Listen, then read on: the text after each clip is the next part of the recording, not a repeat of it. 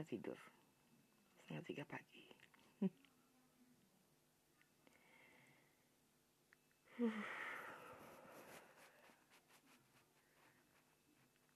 Well teman-teman pernah gak sih ngerasa bahwa um, orang-orang yang ada di sekitar kita itu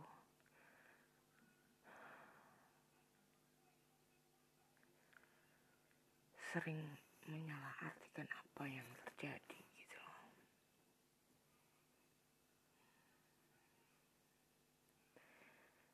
Saya nggak pernah menyalahkan teman-teman yang sering curhat sama saya. Saya malah senang bahwa mereka bisa meletakkan kepercayaan itu kepada saya. Tapi ada kalanya di mana saya ingin bercerita? Saking banyaknya yang ingin saya ceritakan saya nggak tahu harus mulai dari mana. Terlepas di podcast saya sudah banyak cerita ya. Mau cerita yang um, lucu yang nangis seperti sekarang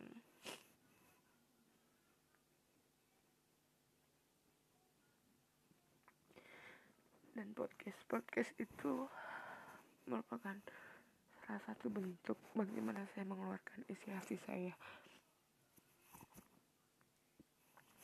Karena tidak perlu ada yang mendengarkannya tapi saya harus mengeluarkannya sehingga saya harus tetap paling tidak stabil mendekati stabil ya karena saya nggak tahu harus mulai dari mana kebiasaan saya hanya spontan. Apa yang saya pikirkan biasanya itu yang saya ungkapkan. Tetapi sebenarnya banyak yang ingin saya share. Tetap mm, menjadi orang yang mau mendengarkan orang lain. Sebenarnya pengen didengarkan orang orang lain. Nggak usah banyak-banyak at least satu gitu ya tapi saya sudah kadang nggak bisa banyak cerita kalau udah dengan seseorang gitu loh. Lebih leluasa kalau saya melakukannya dengan podcast.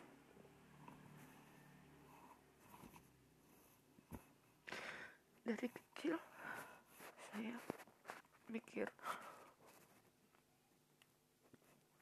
kenapa sih saya dapat masalah seperti ini? Kenapa sih saya dapat masalah seperti itu? Oh teman-teman yang dulu pernah saya ajak curhat mereka bilang karena kamu kuat dah karena kamu kuat. Tahu nggak sih kalau dibilang seperti itu tuh saya akan akan pengen aku letakkan apa yang ada di bahuku. Sejenak pas kata-kata kuat itu.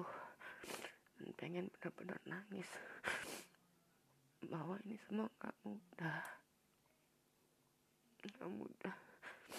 Kadang dari sisi orang tua nggak pengen gimana gimana nggak ya. Cuma pengen melakukan secara adil. Saya tahu orang tua saya sayang banget sama saya. Tapi entah mengapa penilaian saya selalu berkata saya juga pengen melakukan sama dengan adik-adik saya. Hmm, kondisi seperti itu yang kadang-kadang membuat saya harus mencari perhatian tersendiri untuk mereka membuat kenakalan-kenakalan yang membutuhkan perhatian lebih dari mereka. Saya tumbuh menjadi orang yang bukan liar ya tapi menjadi orang yang semaunya saya. Dengan arti saya siap terima resikonya. Kalau saya buat kesalahan kemudian saya dihukum ya saya harus siap terima hukuman. Hanya untuk menarik sebuah perhatian dari kedua orang tua saya. Saya nggak bilang mereka tidak perhatian tidak. Tapi ada satu sisi di mana saya juga ingin diperlakukan sama dengan orang begitu juga dengan teman-teman saya. Begitu juga dengan lingkungan. Begitu juga dengan orang yang pernah menjalani hubungan khusus dengan saya. Pengen aja sih diperlakukan sama gitu. Um, saya bukannya orang yang membutuhkan perhatian khusus atau penanganan khusus. Saya cuma pengen diperlakukan sama dengan yang lainnya. Kadang saya berpikir kalau saya sudah buntu kenapa sih nggak adil banget gitu loh? Orang lain boleh melakukan sesuatu memikirkan sesuatu mengatakan sesuatu membela dirinya memperjuangkan sesuatu. Sedangkan saya enggak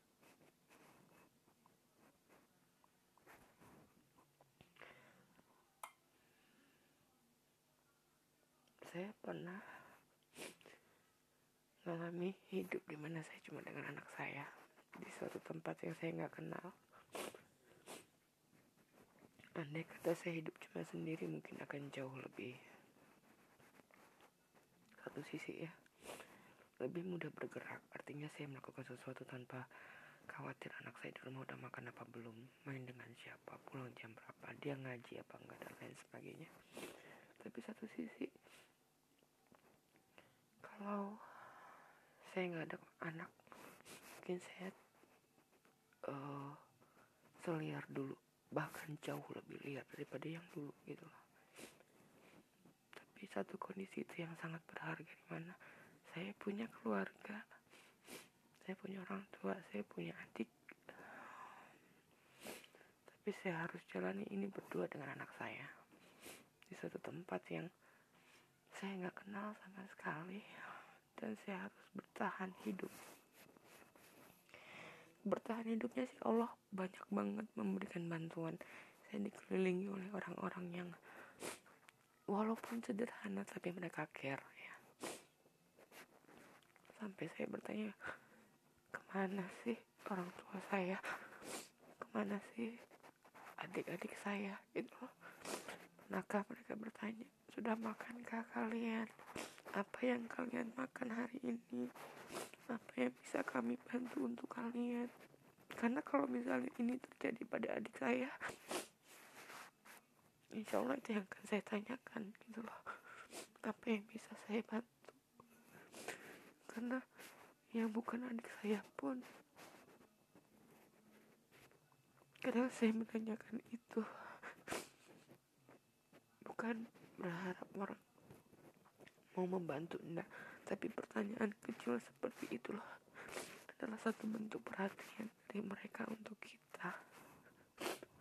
Kalau dibilang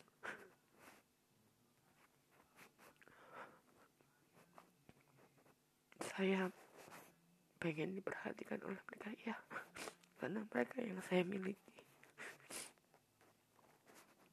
kalau dibilang saya terlalu egois berharap mereka membantu enggak. Selama ini pun selama lima tahun saya di Blitar mau tertatih mau terseok mau gimana saya sudah jalani itu. Saya sudah buktikan bahwa saya bisa lima tahun tanpa keluarga. Bahkan tanpa kabar menanyakan kabar kami gitu loh kamu di mana? Kamu sedang apa? Apa yang sedang kamu rasakan? Nggak ada yang seperti itu. Saya menjadi sosok yang benar-benar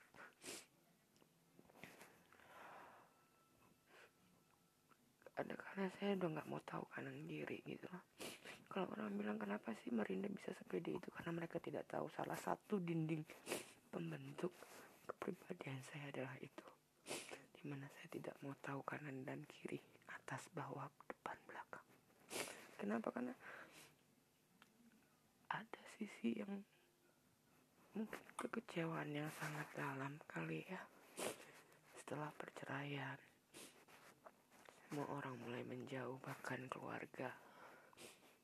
Dan saya pergi dari rumah membawa seorang anak yang masih umur empat tahun ya. Itu sendiri. Apa bekal apa pun.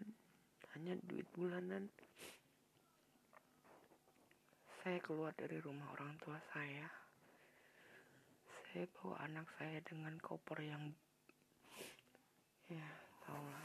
Apa yang saya buat dari Kalimantan itu yang saya bawa ke Blitar. Jadi ya kayak orang pindahan pertama saya tinggal di Blitar saya ngekos. Oke okay, saya ngekos nggak masalah. Tetapi lingkungannya yang tidak baik. Kenapa? Karena di situ ada maaf ada PSK-nya ada orang yang suka minum ada yang suka judi ada yang suka sambung ayam. Karaokean. Nggak aman buat anak saya. Jadi saya memilih untuk pindah dari sana. Dan saya dikelilingi dengan orang-orang yang sangat baik mau membantu saya dengan naik sepeda motor membawa barang-barang saya keluar dari kos menuju sebuah rumah kecil yang dikontrakkan saat itu. Sudah sangat membantu gitu.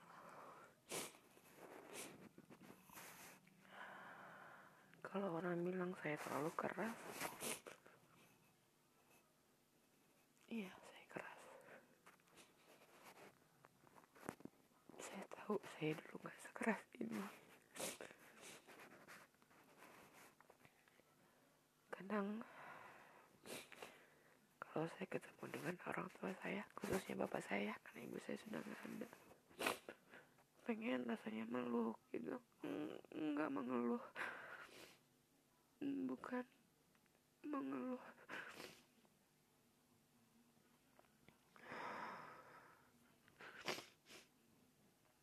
cuma pengen bapak ngerasa kalau aku tuh masih ada gitu loh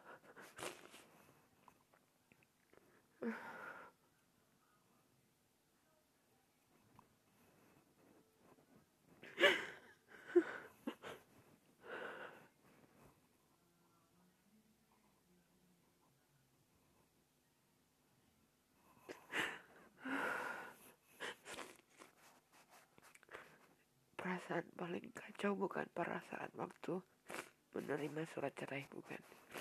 Perasaan paling kacau waktu saya datang ke Blitar pertama kali dan blank saya nggak tahu harus ngapain. Saya cuma berpikir Gusti engkau bawa aku ke mana? Ke sebuah tempat yang aku nggak tahu ini di mana. Apa tujuanmu membawaku kemari? Apa yang harus aku pelajari sini. Apa yang harus aku tebus dari dosa-dosaku sehingga aku dibawa ke sini. Harus lima tahun saya menunggu saya disuruh balik ke Malang. Itu pun setelah waktu anak saya ulang tahun. Tiba-tiba bapak saya bilang uh, saya mau ke Blitar. Saya ada beli uh, pancingan ya alat pancing untuk Tian sebagai kado ulang tahun. Dan pengen ke Malang katanya gitu. Oh sorry. Mau ke Blitar gitu. Jadi siang itu bapak datang rencananya mau mancing. Tapi ternyata uh, kolam pancingnya tidak sesuai dengan yang diharapkan. Jadi batal mancing kami cuma makan bakso. Kemudian mampir ke rumah itu pun tidak sampai setengah jam. Kemudian bapak balik ke Malang. Itu senangnya nauzubillah. Seneng banget gitu didatengin kayak gitu tuh seneng banget. Senang banget. Karena saya sudah nggak bisa lagi curhat banyak. Karena saya jujur saya pernah ditegur adik saya yang paling kecil. Dia bilang kamu sudah dewasa. Apa pun itu selesaikan sendiri. Jangan ngerepotin orang tua. Itu yang saya pegang. Jangan sampai saya ngerepotin orang tua. Dan akhirnya saya kontak-kontakan lagi dengan adik saya yang terakhir gitu ya. Jadi itu yang saya pegang gitu loh. Mau sesakit apa pun itu saya nggak akan cerita. Saya nggak akan cerita memang seharusnya ceritanya yang baik-baik ke orang tua. Jadi kalau misalnya saya dengar cerita bahwa ada teman saya yang punya masalah kemudian curhat ke orang tuanya saya tuh sisi ya Allah aku iri yang kayak gitu. Kenapa dia bisa? Aku gak bisa? Gitu. Oh seberat-beratnya masalah. Pada saat anak saya kecanduan online pun sampai sekarang orang tua saya nggak tahu nggak tahu. Saya pendam sendiri. Saya kerjakan sendiri saya terima resiko sendiri. Dipukulin diteriakin. Karena karena udah gak ada harganya seakan-akan ini hanyalah masalah saya seorang gitu loh. Padahal Tian juga masih punya bapak gitu ya. Masih punya nenek dari pihak uh, mantan suami saya. Tapi ada kalanya seberat apa pun itu gak usah mereka bantu apa pun at least nanya gimana kabarnya. Tian itu sudah menyenangkan hati gitu. Menguatkan jiwa gitu ya untuk besok menghadapi sesuatu yang baru. Karena uh, pada saat itu emang reaksi Tian tuh apa pun itu setiap hari pasti ada aja ada aja. Yang banting ini yang banting itu dan lain sebagainya dan lain sebagainya.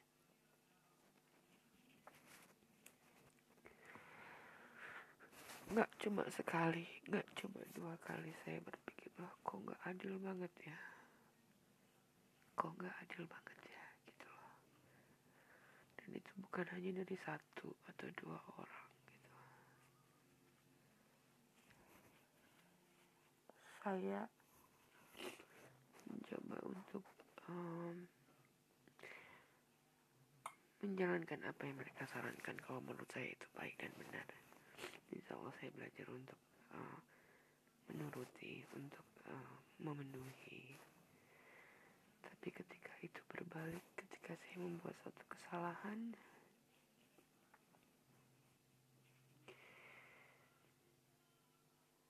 saya sudah nggak berarti sama sekali. Itu yang sering terjadi. Kalau ada orang yang bilang Mbak Rinda kuat banget? Oh jangan salah. Setiap hampir hampir setiap malam jam-jam segini selama dua bulan ini saya berpikir sih gitu. Ini mau dibawa ke mana dan lain sebagainya dan lain sebagainya.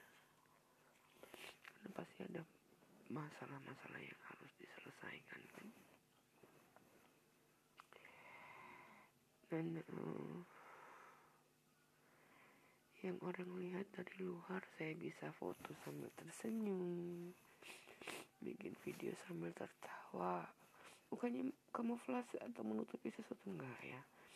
Tapi mencoba menempatkan diri pada posisi. Dalam arti kalau saya sedang menyemangati teman-teman diet saya kemudian saya memasang raut wajah yang um, sendu atau mewek ya mereka nggak akan bangkit lah nggak akan ikut termotivasi gitu ya. Jadi uh, ya harus seperti itu. Caranya seperti itu terlepas habis foto atau bikin video saya nangis lagi ya nangis gitu.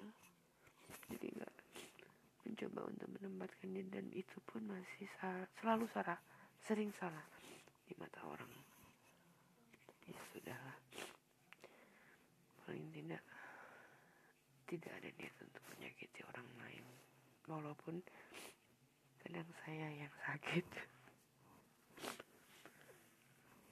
demi Allah senang sih kalau ada orang yang mau curhat.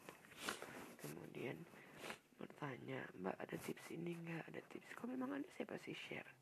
Karena itu menjadi salah satu topik yang menarik menurut saya. Kenapa saya bikin melalui podcast berarti ada sesuatu yang menarik. Terlepas itu ada yang mendengarkan atau tidak ya.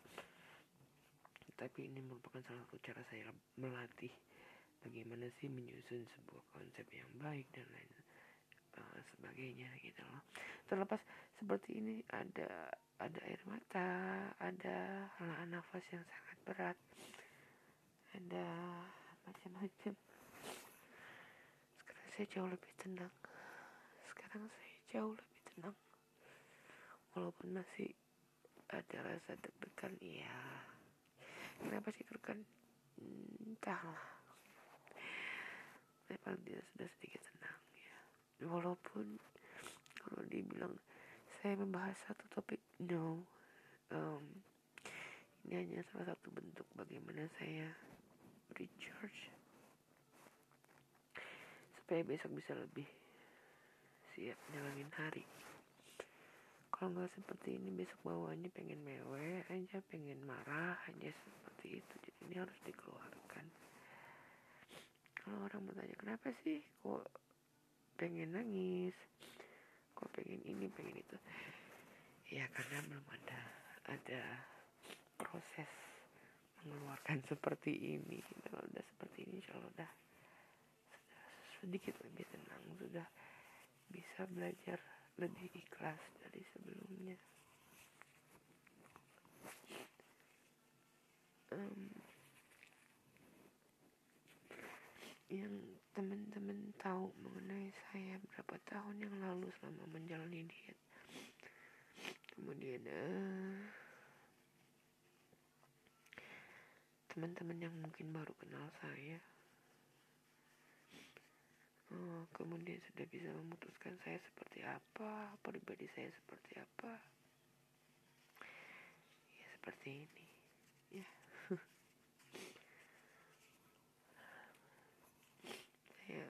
terlalu banyak mendengar opini Marinda begini, Marinda begitu, whatever lah. Emang mungkin kenyataannya seperti itu ya.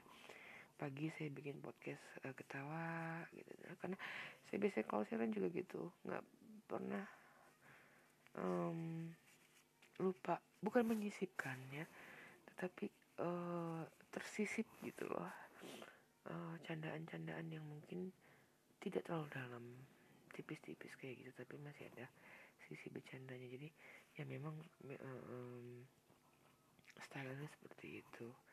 Dan itu tidak di set gitu memang seperti itu. Sama seperti sekarang di awal saya kayak gitu di belakang saya sudah agak mendingan dan saya bisa melontarkan satu dua kalimat yang mungkin menurut saya uh, perlu ditegaskan dan larinya ke agak um, bercanda tipis-tipis gitu. Ya orangnya kayak begitu nggak ada orang yang 100% mengerti orang lain. Saya nggak mungkin memahami 100% seseorang begitu juga seseorang. Terlepas dia tahu banyak tentang kita tapi dia tidak tahu 100% is impossible. Um, jadi di sisi ketidaktahuan mereka lah yang terkadang membuat kita itu uh, sedikit uh, menjauh. Karena ketidaktahuan itu gitu itu aja sih. Dan untuk benar-benar memahami mengetahui uh, pribadi seseorang itu butuh waktu. Butuh waktu. Uh, belajar untuk tidak menyalahkan orang lain menerima kenyataan dan tetap berjuang itu hal-hal yang memang harus uh, dijalani hari demi hari ya day by day.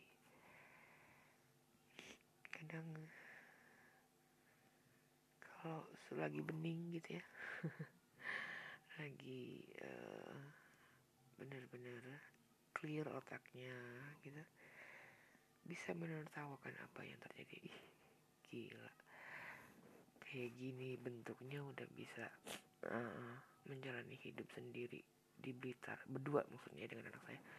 Tapi benar-benar uh, semuanya dikerjakan sendiri. Karena anak saya masih kecil. Benar-benar dikerjakan sendiri gitu. Kalau saya mungkin bandingkan dengan adik saya belum tentu dia bisa seperti itu. Belum tentu ya. Karena porsinya memang beda uh, jadi masalah yang kita harus dihadapi juga berbeda. Kondisinya kan gitu. Dan sangat bersyukur sudah pernah menjalani itu. Jadi kalau sekarang harus menjalani itu ya I will be fine gitu. Kenapa? Karena yang jauh lebih susah sudah saya lewati. Sekarang uh, selangkah demi selangkah. Ya jalani aja. That is yang terus buruk dalam hidup saya.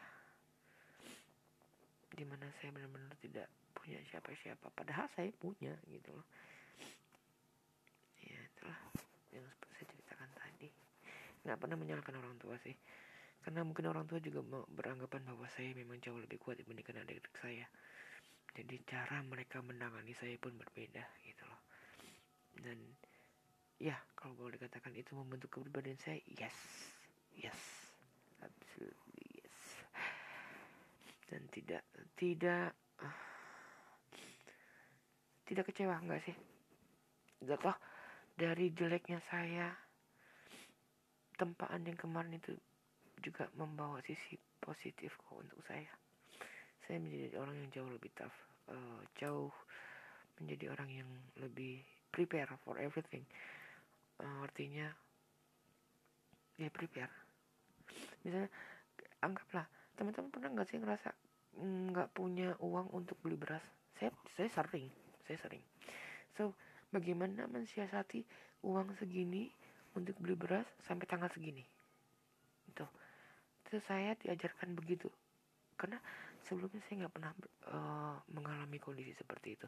Jadi kalau beras habis saya tinggal minta sama mantan suami saya pi uangnya berasnya habis oh ya ambil di ATM beli beras. Misalnya kayak gitu. Um, tapi setelah cerai kan semua harus dipikirkan sendiri.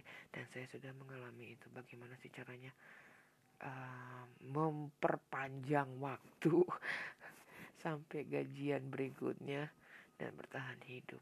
Nah, udah sering kayak gitu. Dan sangat bersyukur pernah ngalamin itu. Sangat bersyukur. Kenapa? Karena itu pengalaman berharga yang tidak semua orang mengalaminya kebanyakan di antara kita tuh ya makan. Makan aja gitu. Nah, berarti nggak perlu mikir ini nggak perlu mikir itu. Tapi saya udah jalan itu gitu. Terlepas uh, ada suami atau nggak ada suami ya.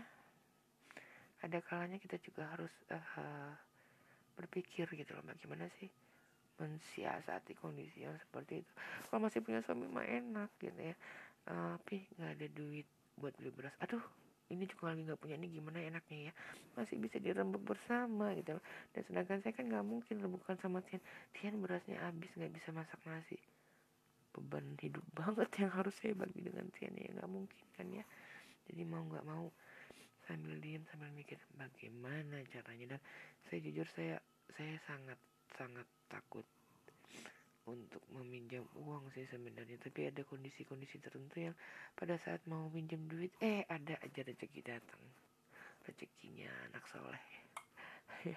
Rezekinya Tian gitu dia masih bisa bertahan uh, hidup uh, day by day. Dan itu sangat sangat sangat berharga. Sangat berharga.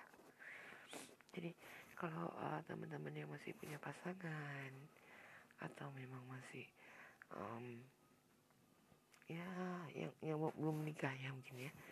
Sudah punya penghasilan sendiri tapi masih uh, mungkin ya tinggal dengan orang tua.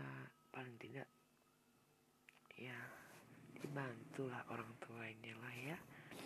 Nggak cuma nodong doang ibaratnya kayak gitu.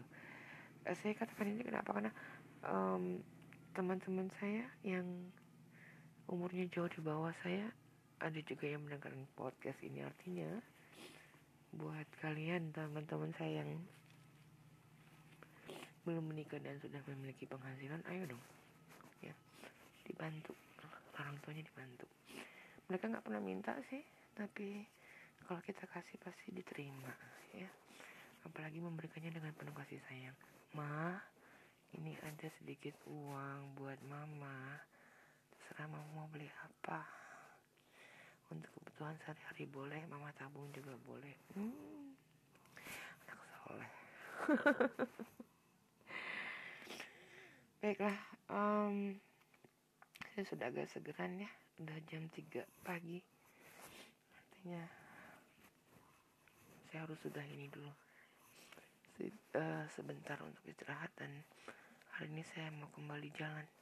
Karena kebetulan ada neneknya Tian datang ke Malang Sau kita jalani hari mudah-mudahan hari ini jauh lebih baik daripada yang kemarin. Menjadi pribadi yang jauh lebih kuat daripada yang kemarin. Jadi pribadi yang lebih berisi daripada yang kemarin. Dan lain sebagainya dan lain sebagainya. Yang uh, dari sisi yang positif ya. Dan uh, mudah-mudahan gak ada yang denger ini. Gak ada yang denger ini. Skip aja very important. Tetapi itu penting bagi saya ya. Oke. Okay. selamat pagi. Selamat beristirahat. Happy Monday. Bye bye